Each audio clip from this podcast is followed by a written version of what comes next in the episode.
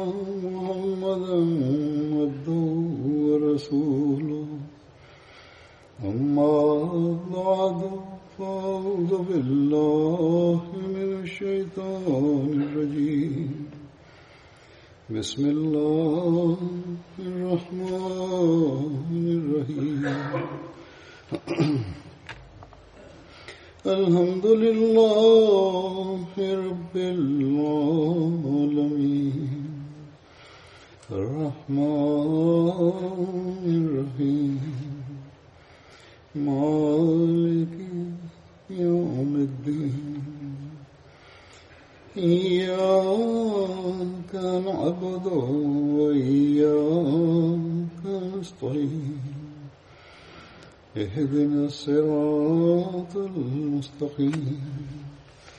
صراط الذين أنعمت عليهم غير المغضوب عليهم ولا الضالين.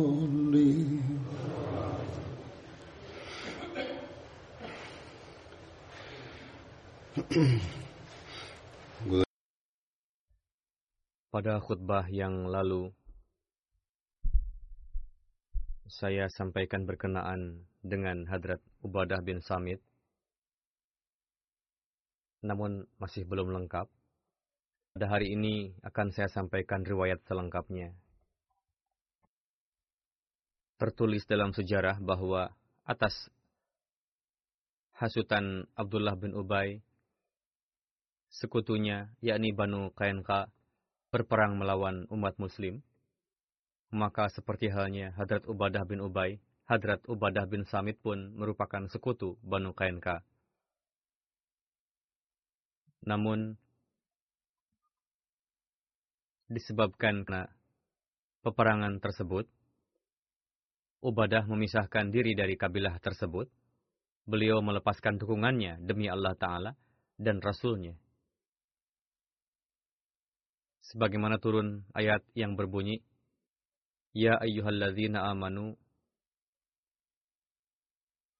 La tattakhidhu al-yahuda wan nasara awliya'a ba'duhum awliya'u ba'd. Wa may yatawallahum minkum fa innahu minhum. Innallaha la yahdil qawmaz zalimin. Hai orang-orang yang beriman, janganlah kamu mengambil orang-orang Yahudi dan orang-orang Nasrani menjadi penolong. Sebagian mereka adalah penolong sebagian yang lainnya. Dan barang siapa di antara kamu mengambil mereka menjadi penolong-penolong, maka sesungguhnya ia dari mereka. Sesungguhnya Allah tidak memberi petunjuk kepada kaum yang aniaya. Dalam hal ini perlu saya sampaikan bahwa maksudnya bukanlah jangan pernah memberikan manfaat kepada orang Yahudi atau Kristen, atau jangan bergaul, melainkan maksudnya adalah orang Yahudi dan Kristen yang tengah berperang dengan kalian, janganlah berkawan dengan mereka. Karena pada ayat lain Allah Ta'ala menegaskan bahwa Allah Ta'ala tidak melarang kalian untuk berbuat baik dan adil kepada mereka yang berperang dengan kalian, atau yang tidak mengusir kalian dari rumah, apakah mereka kafir atau dari kalangan Yahudi dan Nasrani, sebagaimana Allah telah berfirman, La yanhakumullahu anil ladzina lam yuqilukum fid dini wa lam yukhrijukum min diyarikum an tabarruhum wa tuqsitu ilaihim innallaha yuhibbul muqsitin. Allah tidak melarang kamu untuk berbuat baik dan beradil terhadap orang-orang yang tidak memerangimu karena agama kamu dan yang tidak mengusirmu dari rumah-rumahmu. Sesungguhnya Allah mencintai orang-orang yang berlaku adil. dijelaskan di sini pada ayat sebelumnya untuk tidak menjalin hubungan dengan non-muslim disebabkan karena kelemahan, rasa takut, atau ciut. Jadi, di sini telah dijelaskan dalam ayat sebelumnya supaya jangan menjalin hubungan dengan non-muslim dengan didasari karena kelemahan atau ketakutan. Maksudnya, kalian harus bertawakal kepada Allah Ta'ala. Jika kalian memperbaiki kondisi iman kalian, maka Allah Ta'ala pun akan beserta kalian. Namun, sayangnya yang kita saksikan saat ini, bagaimana negara Islam saat ini masuk ke dalam pangkuan negeri-negeri non-Muslim untuk meminta bantuan kepada mereka dan takut kepada mereka. Akibatnya, disebabkan suatu negeri Muslim meminta bantuan kepada negara non-Muslim untuk berperang melawan negeri Muslim lainnya, sehingga negeri-negeri non-Muslim itu memotong akar Islam. Kita berdoa semoga Allah Ta'ala memberikan akal kepada negeri-negeri Islam itu.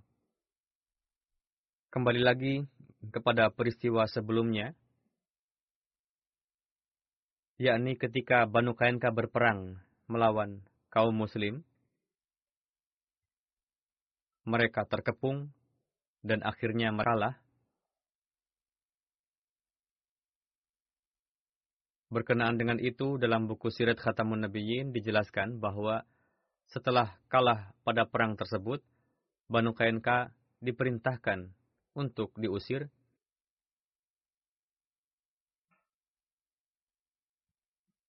Lengkapnya sebagai berikut. Dengan karunia Allah Ta'ala, meskipun jumlah pasukan muslim sedikit dan dilengkapi persenjataan kadarnya, namun mendapatkan kemenangan telak dalam melawan pasukan Quraisy yang besar pada Perang Badar, sehingga para penguasa Mekah mengalami kehancuran. Kondisi itu menimbulkan kemarahan besar yang terselubung di kalangan kaum Yahudi Madinah. Akhirnya secara terang-terangan, mereka mulai menampakkan kekesalannya atas umat muslim. Mereka mulai mengoceh dalam majelis-majelis dengan mengatakan, apalah istimewanya dapat mengalahkan Laskar Quraisy. Coba Muhammad Sallallahu Alaihi Wasallam berperang melawan kami, maka akan mengetahui bagaimana rasanya. Pernah suatu ketika mereka mengatakan hal serupa kepada Rasulullah dalam suatu majelis, sebagaimana diriwayatkan, ketika Rasulullah datang di Madinah pasca perang Badar, suatu hari Rasul mengumpulkan warga Yahudi, lalu memberikan nasihat dan menyampaikan pendakwaan beliau, lalu menyeru mereka kepada Islam. Setelah mendengar ceramah Rasul yang penuh dan simpati, para tokoh Yahudi merespon dengan mengatakan, Wahai Muhammad, Sallallahu Alaihi Wasallam, mungkin kamu menjadi sombong setelah berhasil membunuh beberapa orang Quraisy. Mereka tidak memahami strategi perang. Jika kau perang melawan kami, kamu akan mengetahui bagaimana lawan yang sebenarnya mereka tidak hanya melontarkan ancaman itu saja, bahkan mereka mulai membuat makar untuk membunuh Rasulullah Sallallahu Alaihi Wasallam. Sebagaimana diriwayatkan, ketika seorang Muslim yang mukhlis bernama Talha bin Bara menjelang wafat, beliau berwasiat dengan mengatakan, jika aku mati pada malam hari, tidak perlu mengabarkan Rasul untuk menyolatkan jenazah saya supaya jangan sampai karena aku, Rasulullah mengalami penderitaan yang ditimpakan oleh orang Yahudi.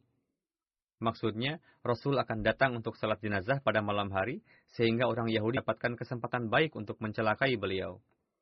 Pasca Perang Badar, mereka mulai melakukan kenakalan-kenakalan secara terang-terangan, sebagaimana Banu Kainka merupakan kabilah yang paling tangguh dan berani di Madinah, karena itu merekalah yang paling pertama melanggar perjanjian. Para sejarawan menulis, di antara penduduk Yahudi Madinah, Banu Kainkalah yang paling pertama melanggar perjanjian yang telah dibuat antara mereka dengan Rasulullah. Pasca Perang Badar, mereka mulai membangkang dan menzahirkan permusuhan dan kedengkian secara terang-terangan dan melanggar perjanjian. Meskipun mendapatkan perlakuan seperti itu, umat muslim tetap sabar mengikuti petunjuk sang junjunan dan tidak mengambil langkah sendiri. Bahkan dalam hadis diriwayatkan bahwa setelah dibuat kesepakatan antara umat muslim dan Yahudi, Rasulullah memberikan perhatian khusus untuk membahagiakan orang Yahudi sebagaimana ketika terjadi perselisihan antara seorang Muslim dengan seorang Yahudi, orang Yahudi tersebut mengunggulkan Hadrat Musa alaihissalam di atas semua para nabi. Mendengar itu, sahabat Rasul marah dan bersikap keras pada sang Yahudi dan mengatakan bahwa Rasulullah yang merupakan nabi paling afdol. Ketika kabar ini sampai kepada Rasul, beliau marah dan memarahi sang sahabat dengan bersabda, Apa yang kamu lakukan? Kenapa mengunggulkan salah satu di atas nabi yang lainnya? Lalu Rasulullah menyenangkan orang Yahudi dengan menyebutkan keunggulan parsial Hadrat Musa alaihissalam. Namun, meskipun mendapatkan perlakuan lembut dan kasih sayang, orang-orang Yahudi itu semakin menjadi-jadi dalam kejahatannya, dan pada akhirnya Yahudilah yang menjadi sebab terjadinya perang. Kebencian yang membara di dada mereka sudah tidak dapat terbendungkan lagi. Awal mulanya adalah suatu hari ada seorang wanita muslimah pergi ke pasar untuk membeli sesuatu di toko milik seorang Yahudi, ada beberapa orang Yahudi yang sedang berada di toko tersebut berbuat ulah yang nakal terhadap wanita muslim tersebut. Begitu juga pemilik toko tersebut dengan cara memasangkan duri atau kail pada ujung kain bagian bawah wanita itu, sehingga ketika wanita tersebut pergi meninggalkan tempat itu karena muak terhadap ulah mereka, pakaian wanita itu tertarik dan terbukalah auratnya. Melihat keadaan si wanita itu, orang-orang Yahudi tadi mengolok-olok dan menertawakan dengan keras. Sementara sang wanita merasa malu dan berteriak meminta bantuan. Kebetulan saat itu ada seorang pria muslim berada di sekitar itu, lalu datang mendekat, dan terjadilah perkelahian di sana. Yahudi, pemilik toko itu terbunuh, menyebabkan kawan-kawan Yahudi lainnya menyerangnya dengan pedang, dan akhirnya pria muslim pun syahid di tempat itu. Umat muslim yang mendengar kabar tersebut langsung naik pitam dan memperlihatkan solidaritas tinggi lalu datang ke tempat tersebut. Pada waktu yang sama, orang-orang Yahudi pun berdatangan dari tempat lainnya, lalu memadati tempat kejadian, dan memang mereka ingin menjadikan kejadian tersebut sebagai alasan untuk berperang. Setelah Hadrat Rasulullah menekan kabar akan kejadian tersebut, lalu beliau mengundang para tokoh Banu KNK dan bersabda, Perbuatan seperti ini tidaklah baik, hentikanlah kenakalan seperti ini, dan takutlah kepada Tuhan.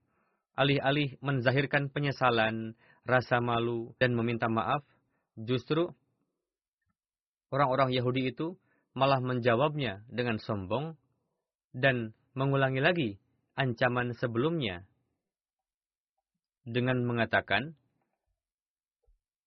Jangan engkau sombong karena telah menang pada peperangan badar. Ketika berhadapan dengan kami, baru kamu akan tahu musuh yang sebenarnya. Akhirnya, Rasulullah membawa sekelompok sahabat ke benteng Banu Kainka. Itu merupakan kesempatan terakhir bagi mereka untuk menyesali perbuatannya. Ketika Rasulullah berangkat membawa sekelompok sahabat, hendaknya orang-orang Yahudi itu menyesali perbuatan aniayanya dan jak berdamai. Namun, mereka malah bersiap-siap untuk berperang, diumumkanlah untuk bersiap berperang, Lalu kedua pasukan siap-siap untuk bertempur. Sesuai dengan peraturan perang pada zaman itu, mereka berada di balik benteng pertahanannya, sedangkan pihak lawannya mengepung benteng tersebut.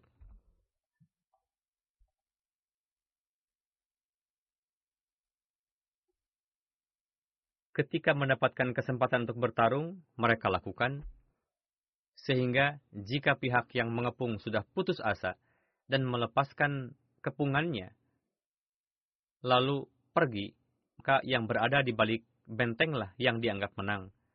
Atau jika yang berada di balik benteng itu sudah tidak berdaya lagi untuk berperang, maka mereka akan membuka pintu gerbangnya, lalu menyerahkan diri kepada pihak yang mengepung.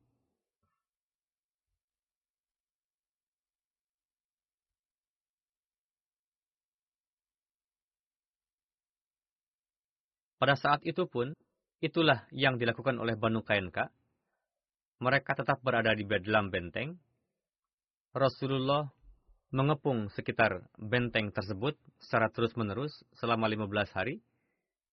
Pada akhirnya, ketika semua keangkuhan Banu Kainka hilang, mereka membuka pintu gerbang benteng dengan memberikan persyaratan yang menyatakan bahwa harta mereka akan menjadi milik umat muslim, namun umat muslim tidak diberi hak atas nyawa dan keluarga mereka. Rasulullah menyetujui persyaratan mereka, meskipun berdasarkan syariat Musa dalam Taurat menyatakan bahwa dalam kondisi demikian mereka semua wajib dibunuh, dan sesuai perjanjian sebelumnya, syariat Musa lah yang seharusnya diterapkan. Namun ini merupakan pelanggaran pertama kaum tersebut, dan tabiat Rasulullah yang penuh kasih dan pemaaf tidak cenderung pada hukuman puncak yang merupakan obat terakhir. Sementara di sisi lain, kabilah yang melanggar perjanjian penuh kedengkian, yang mana jika tetap dibiarkan berada di Madinah sama saja dengan memelihara musuh dalam selimut, khususnya ketika sekelompok munafik dari kabilah Aus dan Khajraj tinggal sebelumnya di Madinah. Adapun dari arah luar, penentangan seluruh Arab telah benar-benar menyusahkan umat muslim. Dalam kondisi demikian, keputusan yang mungkin diberikan oleh Rasulullah adalah mengusir Banu Kainka dari Madinah. Jika melihat pelanggaran mereka, dan jika memperhatikan kondisi pada zaman itu, hukuman seperti itu sebetulnya merupakan hukuman yang sangat ringan. Karena yang tersirat dari hukuman itu hanyalah semata-mata untuk pencegahan. Maksudnya, supaya umat muslim Madinah tetap terjaga, karena menurut Hadrat Mirza Bashir Ahmad, usir dari kampung bukanlah sesuatu yang berat, karena biasa berpindah-pindah dari satu tempat ke tempat lainnya. Khususnya jika suatu kabilah tidak memiliki harta kekayaan tidak bergerak, tanah, atau kebun, seperti halnya Banu Kainka yang tidak memiliki harta tidak bergerak, maka seluruh kabilah mendapatkan kesempatan mudah untuk meninggalkan tempatnya, berpindah ke tempat lain dengan tenang. Lalu Banu Kainka meninggalkan Madinah menuju negeri Syam dengan am. Untuk mengawasi dan mengatur keberangkatan dan lain-lain, Rasulullah menugaskan sahabat beliau bernama Hadrat Ubadah bin Samit. Beliau sebelumnya makan salah satu dari antara sekutu Banu Kainka. Lalu Ubadah bin Samit ikut mengantar mereka sampai sekian jauh lalu melepas mereka dan kembali pulang. Sementara harta rampasan yang berpindah ke tangan umat muslim hanya peralatan perang saja, atau alat-alat yang digunakan untuk mencari nafkah oleh mereka. Selain benda-benda itu, tidak ada yang lainnya. Berkenaan dengan hal ini, terdapat keterangan lebih lanjut dalam Siratul Halbiyah Di dalamnya tertulis bahwa Hadrat Rasulullah memerintahkan untuk mengusir orang-orang Yahudi itu dari Madinah untuk selama-lamanya. Tugas untuk mengusir mereka diberikan kepada Hadrat Ubadah bin Samit. Mereka diberikan tenggang waktu selama tiga hari untuk meninggalkan Madinah. Setelah berlalu tiga hari, orang-orang Yahudi itu meninggalkan Madinah. Sebelumnya, mereka meminta izin pada Hadrat Ubadah untuk ditambahkan lagi waktunya lebih dari tiga hari. Namun, Hadrat Ubadah menolaknya dengan mengatakan, satu menit pun tidak akan ditambahkan untuk kalian. Lalu Hadrat Ubadah mengantar mereka dalam pengawasannya, dan mereka menempati lapangan-lapangan di sebuah kampung di negeri Syam. Masih banyak sekali riwayat hadis yang disampaikan oleh Hadrat Ubadah bin Samit. Salah satu di antaranya adalah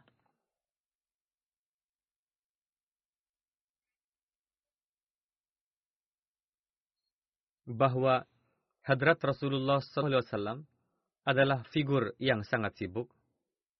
Untuk itu, jika ada orang dari kalangan muhajirin datang ke hadapan Rasulullah, maka Rasulullah menyerahkannya kepada salah seorang dari antara kami untuk jarkannya Al-Quran dan ilmu agama.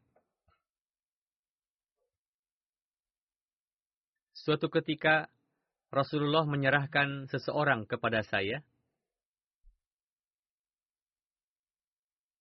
lalu tersebut tinggal bersama saya di rumah dan ikut serta makan bersama dengan kami. Saya mengajarkan kepadanya Al-Quran, ketika orang tersebut akan pulang setelah selesai belajar, ia berpikir untuk memberikan sesuatu hadiah kepada saya karena saya telah mengkhidmatinya dan mengajarnya Al-Quran.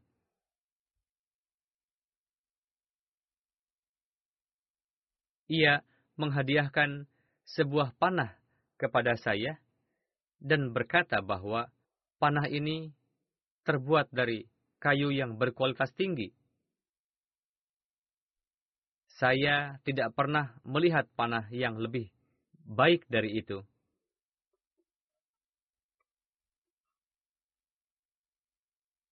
Lalu saya hadir ke hadapan Rasulullah dan menanyakan pendapat Rasulullah bahwa ada yang memberikan hadiah seperti itu kepada saya. Rasul bersabda, ini merupakan bara api yang kamu gantungkan sendiri di tengah-tengah pundakmu. Yakni, orang itu memberikan kepadamu hadiah karena kamu telah mengajarkannya Al-Quran. Dan itu sama saja dengan mengambil bara api.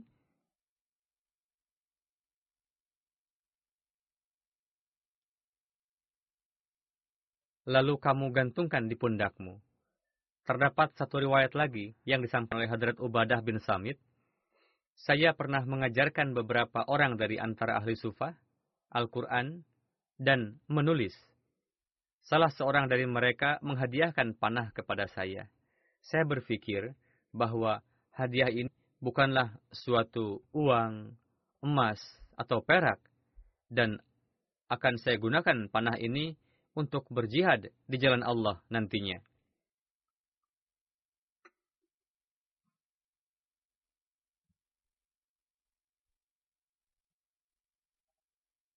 Lalu saya tanyakan kepada Rasulullah. Rasul bersabda, "Jika kamu suka menggantungkan bara api di leher, silahkan terima."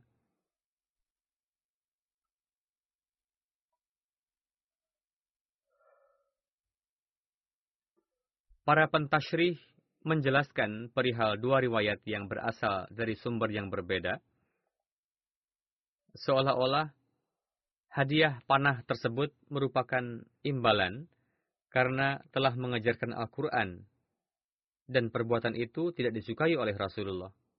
Walhasil, riwayat ini merupakan pelajaran bagi mereka yang secara pribadi menjadikan pengajaran Al-Quran sebagai sarana untuk menghasilkan pendapatan.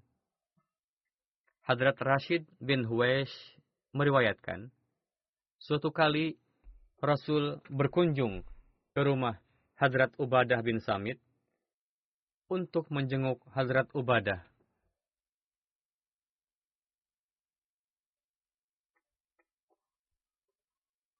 Rasulullah bersabda, Tahukah kalian siapakah yang syahid di antara umatku?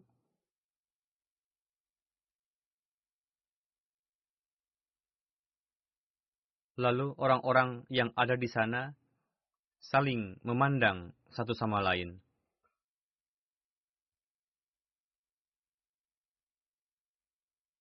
Hadrat Ubadah datang untuk menjenguk Hadrat Ubadah. Rasul bersabda, Kalian tahukah siapa yang syahid di antara umatku? Lalu orang-orang saling memandang. Hadrat Ubadah berkata kepada sahabat, Tolong berikan aku sandaran. Lalu orang-orang mendudukan beliau.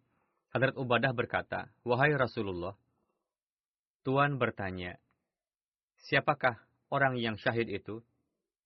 Orang yang syahid adalah mereka yang gagah berani dan teguh langkah, bertempur, dan didasari dengan niat mendapatkan pahala. Rasulullah bersabda, Jika hanya seperti itu, maka syuhada di dalam umatku hanya tinggal sedikit. Kemudian beliau bersabda, terbunuh di jalan Allah adalah syahid. Meninggal karena taun adalah syahid. Ketika suatu wabah menyebar, jika ada seorang mukmin yang dikarenakan suatu hal terjangkit wabah tersebut, sedang ia adalah seorang mukmin yang baik, maka dalam corak seperti itu ia adalah syahid. Kemudian tenggelam di dalam air juga syahid, dan meninggal karena penyakit di perut juga adalah syahid, dan wanita yang meninggal dalam kondisi nifas, maka anaknya akan menarik tangannya ke dalam surga, yakni wanita yang meninggal karena darah yang mengalir pada saat melahirkan anak, atau meninggal dikarenakan kondisi yang lemah dalam masa nifas yang berlangsung selama 40 hari, maka anaknya akan menariknya ke dalam surga. Yakni, anaknya akan menjadi sarana bagi dirinya untuk dibawa ke dalam surga.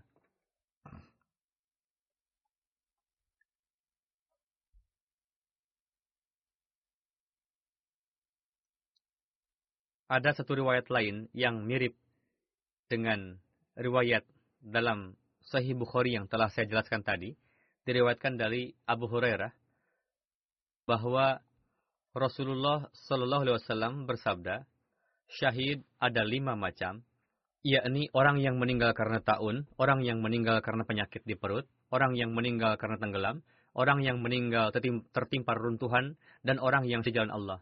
Sekarang ini tahun telah dinyatakan sebagai sebuah tanda bagi Hadrat Masih Maud salam. Saat ini tahun tersebut telah menjadi tanda bahwa orang-orang yang beriman kepada Hadrat Masih Maud salam dengan keimanan yang sejati, maka tahun tidak akan menyerangnya. Oleh karena itu, dalam kasus ini, coraknya betul-betul menjadi berbeda. Namun secara umum, jika ada suatu wabah tersebar, dan jika ada seorang mukmin yang sempurna meninggal dikarenakan wabah tersebut, maka sesuai dengan sahabat, sabda Rasulullah, ia adalah syahid. Ismail bin Ubaid Ansari meriwayatkan, Hadrat Ubadah berkata kepada Hadrat Abu Hurairah, Wahai Abu Hurairah, Anda tidak bersama kami ketika kami bayat kepada Rasulullah. Kami berbayat kepada beliau dengan syarat akan mendengar dan taat, baik kondisi kami sedang semangat ataupun lemah, akan membelanjakan harta di jalan Allah, baik dalam kondisi lapang maupun sempit, akan melakukan amar bil ma'ruf dan nahi anil munkar, akan menyampaikan kebenaran mewujud Allah Ta'ala, dan kami tidak akan memperdulikan celaan orang-orang yang mencela dalam melaksanakannya, dan kami akan menolong Nabi Karim SAW ketika beliau datang ke Madinah Munawarah. Dan demi jiwa serta anak istri kami, kami akan melindungi beliau. Ini adalah semua perkara yang atasnya kami telah berbaiat, yang sebagai balasannya ada janji surga bagi kami. Jadi, Inilah bayat hadrat Rasulullah SAW yang mana kita telah bayat untuknya. Barang siapa yang melanggarnya, maka ia telah merugikan dirinya sendiri. Barang siapa yang memenuhi syarat-syarat bayat kepada Rasulullah tersebut, maka dikarenakan bayat tersebut, Allah Ta'ala akan memenuhi janji yang disampaikan melalui perantaraan beliau Sallallahu Alaihi Wasallam. Suatu kali Hadrat Muawiyah menulis surat kepada Hadrat Utsman Ghani bahwa dikarenakan Hadrat Ubadah bin Samit, Syam, dan penduduk Syam membuat kegaduhan menentangku. Panggillah Ubadah untuk menghadap Anda, atau aku yang akan pergi dari Syam. Hadrat Utsman menulis, Siapkanlah tunggangan untuk Hadrat Ubadah, lalu berangkatlah beliau ke rumah beliau di Madinah. Munawarah. Lalu Hadrat Muawiyah memberangkatkan beliau dan sampailah beliau di Nah Munawarah. Hadrat Ubadah lalu datang ke rumah Hadrat Utsman. Di sana beliau tidak mendapati seorang sahabat yang lain selain Hadrat Utsman yang sedang duduk di sudut rumahnya. Kemudian Hadrat Utsman mengarahkan perhatian kepada beliau dan berkata, Wahai Ubadah bin Samit, apa masalah engkau terhadap kami?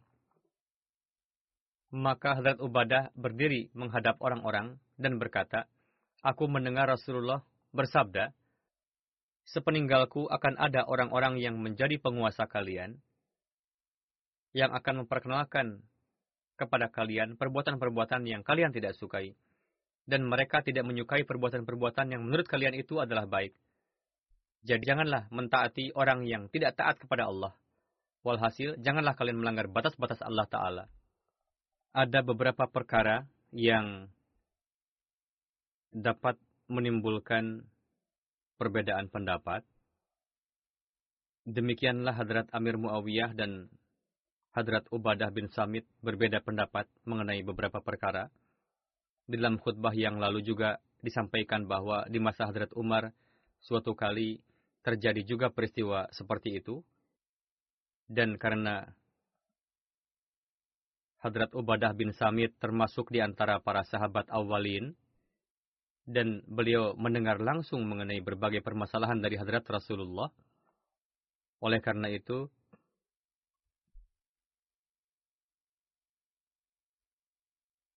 dengan yakin beliau mengamalkan hal itu dan mengajarkan orang lain untuk mengamalkannya dan selalu mengatakan bahwa inilah yang benar. Ketika perselisihan dengan Amir Muawiyah ini terjadi di masa Hadrat Umar, maka Hadrat Umar mengatakan kepada Amir Muawiyah, janganlah menginterogasi beliau. Biarkanlah beliau menyampaikan permasalahan-permasalahan tersebut.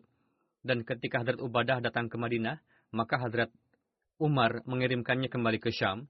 Namun, di masa Hadrat Utsman, hal ini terjadi kembali, maka dikarenakan situasi tersebut Hadrat Utsman memanggilnya kembali pulang. Walhasil Hadrat Ubadah memiliki satu makom di mana beliau bisa menjelaskan beberapa perkara. Beliau memahaminya, mendengarkan langsung dari Hadrat Rasulullah SAW. Dan disebabkan hal ini, beliau berselisih pendapat dalam beberapa perkara. Misalnya, dalam masalah jual beli, masalah barter, masalah perdagangan, mengenai ini pun ada beberapa bahasan yang sangat luas tidak bisa dijelaskan sekarang. Dalam hal ini pun beliau berselisih pendapat dengan Amir Muawiyah. Bagaimanapun beliau mempunyai dalil-dalil dan memberikan penjelasan sesuai dengan itu. Demikian juga Amir Muawiyah. Namun bukanlah tugas semua orang untuk berselisih seperti ini selama belum ada nas yang jelas dari Al-Quran dan hadis dan di zaman ini ada penjelasan yang telah diberikan oleh Hadrat Masih Maud salam. Hal mendasar yang sangat penting dan harus diingat dalam peristiwa ini adalah, janganlah melanggar batasan-batasan Allah Ta'ala, tetaplah berada di dalamnya. Inilah yang harus dikedepankan oleh Sahmadi. Kemudian, tetaplah berada dalam batas-batas ketaatan. Atta meriwayatkan bahwa saya bertemu dengan Walid, yang adalah putra dari Hadrat Ubadah bin Samit, sahabat Hadrat Rasulullah SAW. Saya bertanya kepadanya, apa wasiat dari ayah Anda, yakni Hadrat Ubadah, ketika meninggal? Ia menjawab, beliau, yakni Hadrat Ubadah, memanggil saya dan berkata, Wahai anakku, takutlah kepada Allah, dan ketahuilah bahwa engkau tidak bisa bertakwa kepada Allah Ta'ala selama engkau tidak beriman kepada Allah dengan keimanan yang sempurna, dan beriman kepada segala takdir yang baik maupun yang buruk. Jika engkau mati di atas akidah yang lain ini, maka akan masuk ke dalam api. Diriwayatkan dari Hadrat Anas bin Malik bahwa suatu kali Rasulullah datang ke rumah Hadrat Ummi Haram binti Mulhan yang adalah istri Hadrat Ubadah bin Samit. Beliau menghidangkan makanan untuk Rasulullah. Kemudian kepala beliau bersender, lalu tertidur. Kemudian beliau terbangun sambil tersenyum.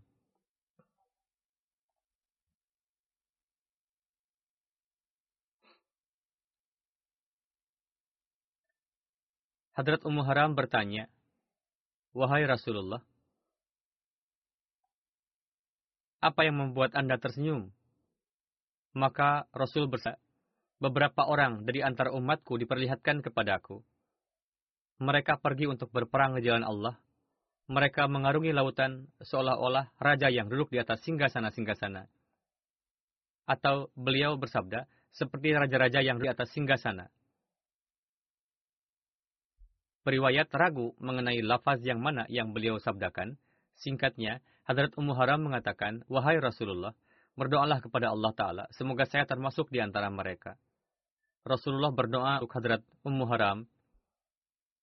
Kemudian Rasulullah menyenderkan kepalanya dan tertidur. Kemudian setelah itu beliau terbangun sambil tersenyum.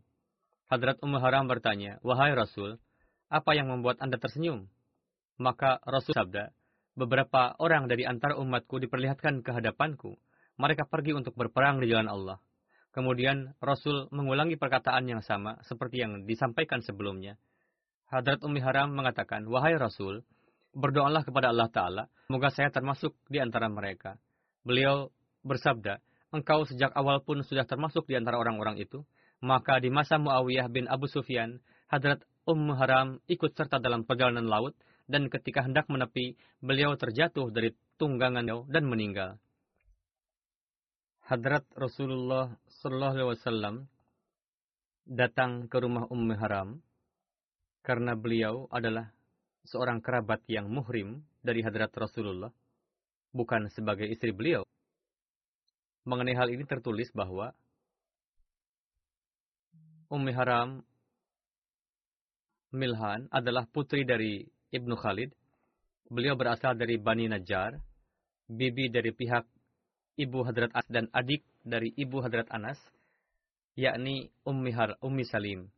Keduanya, yakni Ummu Haram dan Ummi Salim, dikarenakan saudara sepersusuan atau hubungan kekerabatan yang lainnya merupakan bibi dari pihak ibu, Hadrat Rasulullah, Imawawi, menulis bahwa semua ulama sepakat bahwa Ummi Haram adalah muhrim dari Hadrat Rasulullah. Oleh karena itu, Rasulullah terkadang dengan tanpa segan datang kepada beliau di siang hari untuk beristirahat. Namun hubungan yang mengenainya ada perbedaan pendapat adalah bentuk kemuhriman tersebut memang muhrim dan semua orang mengakui atau sepakat akan hal ini, namun mengenai hubungan kekerabatan seperti apa yang membuatnya menjadi muhrim terdapat perbedaan pendapat di antara para ulama. Bagaimanapun, seseorang bisa menjadi muhrim dari seorang lainnya karena suatu hubungan kekerabatan. Tertulis bahwa Hadrat Ummi Haram masuk Islam dan bayat di tangan beberkat Hadrat Rasulullah. Dan di masa Hadrat Utsman Zun Nurain, beliau bersama dengan suami beliau, Ubadah bin Samit, seorang di antara sahabat Ansar dan seorang sahabat yang berkedudukan tinggi, yang riwayatnya sedang disampaikan saat ini. Hadrat Ummi Haram masuk Islam dan bayat di tangan beberkat Rasulullah. Dan di masa Hadrat Utsman Zunnurain, beliau bersama dengan suami beliau Ubadah bin Samit, seorang di antara sahabat Ansar, dan sahabat yang berkedudukan tinggi, yang riwayatnya tengah dibahas, pergi untuk berjihad di jalan Allah Ta'ala, dan sesampainya di tanah Romawi, beliau mendapatkan karunia syahid. Inilah yang hadrat Rasulullah SAW melihat di dalam ru'ya beliau. Sesuai dengan ru'ya tersebut, beliau syahid. Di dalam syarah Bukhari, Umdatul Qari, dan di dalam syarah lainnya, Isya'atus Sari, tertulis bahwa Hadrat Haram wafat pada tahun 27, 28 Hijriah. Sebagian berpendapat bahwa beliau wafat di masa pemerintahan Muawiyah Riwayat yang pertama lebih masyhur dan para ahli sejarah menjelaskan seperti itu bahwa pertempuran laut itu terjadi di masa kekhalifahan Utsman yang pada pertempuran tersebut Hadrat Umi Haram wafat. Yang dimaksud masa Muawiyah bukanlah masa pemerintahan Hadrat Muawiyah, melainkan maksudnya adalah masa ketika Hadrat Muawiyah melakukan peperangan lautan menghadapi Romawi dan Hadrat Haram juga ikut serta peperangan tersebut bersama suami beliau, Hadrat Ubadah bin Samit dan dalam perjalanan pulang dari pertempuran laut tersebut Hadrat Haram wafat dan peristiwa ini terjadi di masa kekhalifahan Hadrat Utsman. Diriwayatkan dari Junadah bin Abu Umayyah bahwa ketika kami pergi kepada Hadrat Ubadah, beliau sedang sakit kami berkata, semoga Allah memberikan kesehatan kepada Anda. Ceritakanlah suatu hadis yang Anda dengar dari Rasulullah, sehingga memberikan manfaat kepada Anda. Beliau berkata, Nabi Shallallahu Alaihi Wasallam memanggil kami dan kami bayat kepada beliau. Perkara-perkara yang atasnya beliau Shallallahu Alaihi Wasallam mengambil bayat dari kami adalah kami berbayat untuk mendengar dan taat baik dalam suka maupun duka, baik dalam kesempitan maupun kelapangan, dan mesin pemimpin itu mementingkan dirinya sendiri atas kami. Kami juga tidak akan menentang terhadap penguasa kecuali kekufuran yang jelas, yang mengenainya ada hujah dari Allah Ta'ala, kecuali terpaksa karena kekufuran yang jelas dan terang-terangan, maka ini adalah hal lain.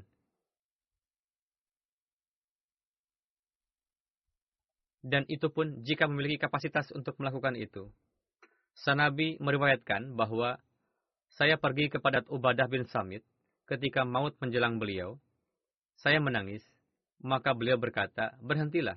Mengapa kamu menangis? Demi Allah, jika saya dimintai kesaksian, maka saya akan memberikan kesaksian di pihakmu. Dan jika saya diberikan untuk memberikan syafaat, maka saya akan memberikan syafaat kepadamu. Dan jika saya memiliki kekuatan, saya akan memberikan manfaat kepadamu. Kemudian beliau berkata, Demi Allah, setiap hadis yang saya dengar dari Rasulullah, yang di dalamnya ada kebaikan untukmu, saya telah sampaikannya kepadamu. Kecuali satu hadis yang hari ini akan saya beritahukan kepadamu ketika kematian tengah menjelang. Saya mendengar dari Rasulullah, Rasulullah SAW bersabda, Barang saya memberikan kesaksian bahwa tidak ada yang patut disembah selain Allah, dan Muhammad Sallallahu Alaihi Wasallam adalah Rasul Allah, maka Allah Taala akan mengharamkan neraka baginya, yakni ia adalah seorang Muslim. Seorang, semoga Allah Taala meninggikan derajat para sahabat tersebut yang telah menyampaikan kepada kita perkara-perkara yang selain merupakan ilmu rohani bagi kita, juga sangat penting bagi kehidupan amalan kita. Sekarang saya akan menyebutkan beberapa almarhum dan akan memimpin salat jenazah mereka. Pertama di antara mereka adalah Tuan Said Sukia asal Suria. Dia wafat pada tanggal 18 April.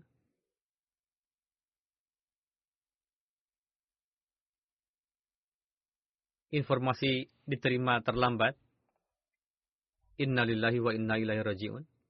Almarhum termasuk di antara anggota Surya yang sangat mukhlis dan lama. Beliau telah khatam Al-Quran Karim pada usia lima tahun. Beliau mahir kaidah-kaidah tajwid dan kiraah Al-Quran semenjak kecil. Beliau mengajar tajwid Al-Quran kepada banyak anggota ahli. Yang terhormat Tuan Munirul Husna sangat mempercayai beliau. Beliau menempuh pendidikan hukum, namun tidak senang menjadi penasihat. Lalu beliau menempuh pendidikan guru. Kemudian beliau termasuk di antara guru-guru hebat di seluruh negeri. Beliau telah mengajar di beberapa daerah dan meningkat hingga jabatan kepala sekolah. Almarhum sangat gemar tablik. Beliau senantiasa tablik pada tiap orang. Beberapa tahun silam ketika Arabic Desk menerbitkan ulang buku-buku bahasa Arab Hadrat Akdas Masih Maud salam, yakni terjemahkan ulang dan diterbitkan, beliau menelaah semuanya dan mengatakan bahwa setelah sekian lama menjadi Ahmadi, kini saya tahu apa yang sebenarnya disabdakan Hadrat Imam salam. Sekarang kali pertama saya mengetahui hakikat jemaat. Kini saya mendapat pengetahuan baru tentang Ahmadiyah Islam hakiki. Setiap orang yang mengenal beliau menceritakan karakter beliau seperti akhlak beliau, pergaulan baik beliau, kedermawanan beliau, gairat beliau, dan suka membantu orang lain tanpa ingin balas jasa. Dan sangat terkesan dengan beliau, serta tiap orang yang mengenal beliau mencari beliau karena karakter-karakter beliau tersebut. Beliau tenggelam dalam pekerjaan beliau sen sendiri. Beliau periang. Beliau adalah ayah yang baik, suami yang mukhlis, link persahabatan beliau amat luas. Beliau dawam salat ibadah. Kapan pun beliau menerima uang, beliau langsung bayarkan candahnya. Acap kali beliau menyerahkan semua uang yang beliau dapat. Beliau meninggalkan tiga anak laki-laki dan tiga anak perempuan. Putra sulung beliau adalah Tuan Muhammad dan putra bungsu beliau adalah Jalaluddin. Keduanya Ahmadi. Semoga Allah Ta'ala mengasihi dan mengampuni beliau dan meninggikan derajat beliau, mengabulkan doa-doa beliau untuk keturunan beliau dan menganugerahkan taufik kepada anak-anak yang lain untuk mengenal kebenaran. Jenazah kedua adalah yang terhormat Tuan At-Tajib Al-Ubdi asal Tunisia yang wafat pada tanggal 26 Juni dalam usia 70 tahun. Innalillahi wa inna ilaihi rajiun.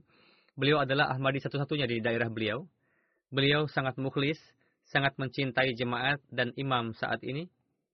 Beliau juga mencintai khilafat. Beliau hampir melewati sepanjang usia di masjid-masjid. Beliau pecinta Al-Quran. Beliau adalah insan yang banyak berzikir, setelah mengenal jemaat, tanpa tunggu lama, beliau sampai di pusat dan segera bayat. Beliau pecinta kalam Hadrat Aqdas Masih Maud salam menempuh perjalanan menggunakan kereta api untuk sampai di pusat hampir lima jam guna menunaikan salat Jumat. Beliau insan sangat pemberani.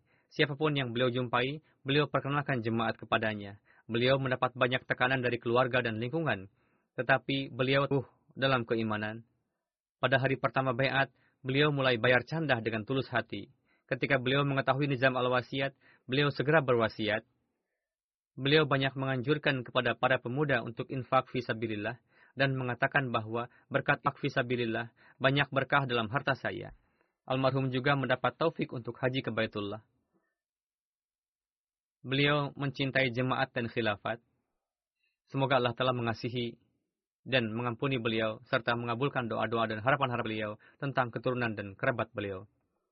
Jenazah ketiga adalah yang terhormat Nyonya Amatul Syakur, putri sulung Hadrat Khalifatul Masih yang ketiga, rahimahullah ta'ala. Beliau wafat pada tanggal 3 September dalam usia 79 tahun.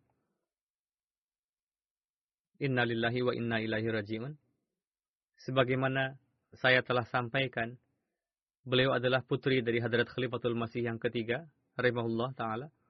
Sisi ini, beliau adalah cucu Hadrat Muslim Ma'ud radhiyallahu anhu. Dari garis perempuan, beliau adalah cucu dari Hadrat Nawab Mubarakah Begum dan Hadrat Nawab Muhammad Ali Khan.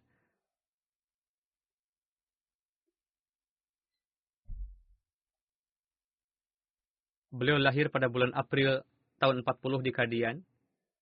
Beliau menempuh pendidikan dasar di Kadian kemudian mendapat gelar BA di Lahore. Beliau dua kali menikah. Pertama menikah dengan putra Nawab Abdullah Khan yang bernama Syahid Khan. Dari beliau dikaruniai keturunan dua anak laki-laki dan tiga anak perempuan.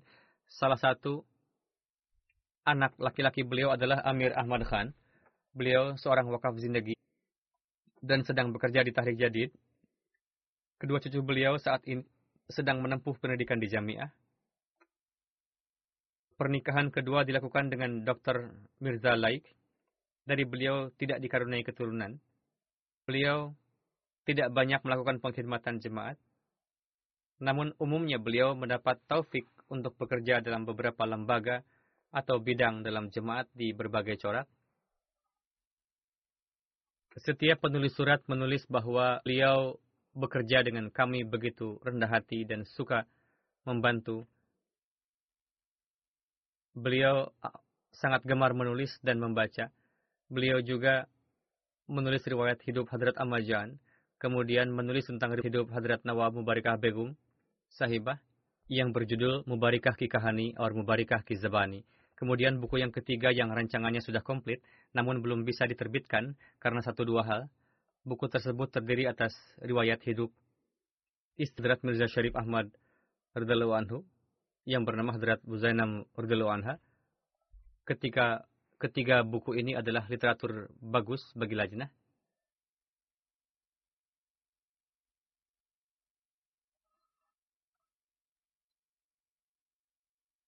Cucu beliau, Melahat, mengatakan bahwa nenek saya biasa mengatakan bahwa hadrat Khalifatul Masih yang ketiga selalu bersabda, biasakanlah tersenyum karena itu merupakan sedekah.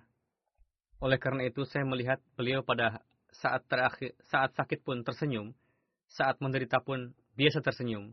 Penyakit beliau menyakitkan.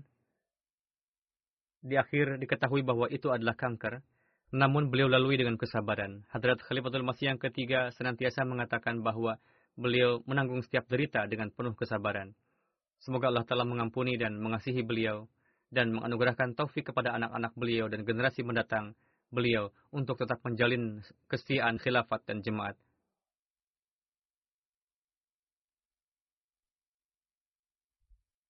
Ada yang terlupa karena istimewa kudam sudah dimulai, salat zuhur atau salat Jumat akan dijamak dengan salat asar.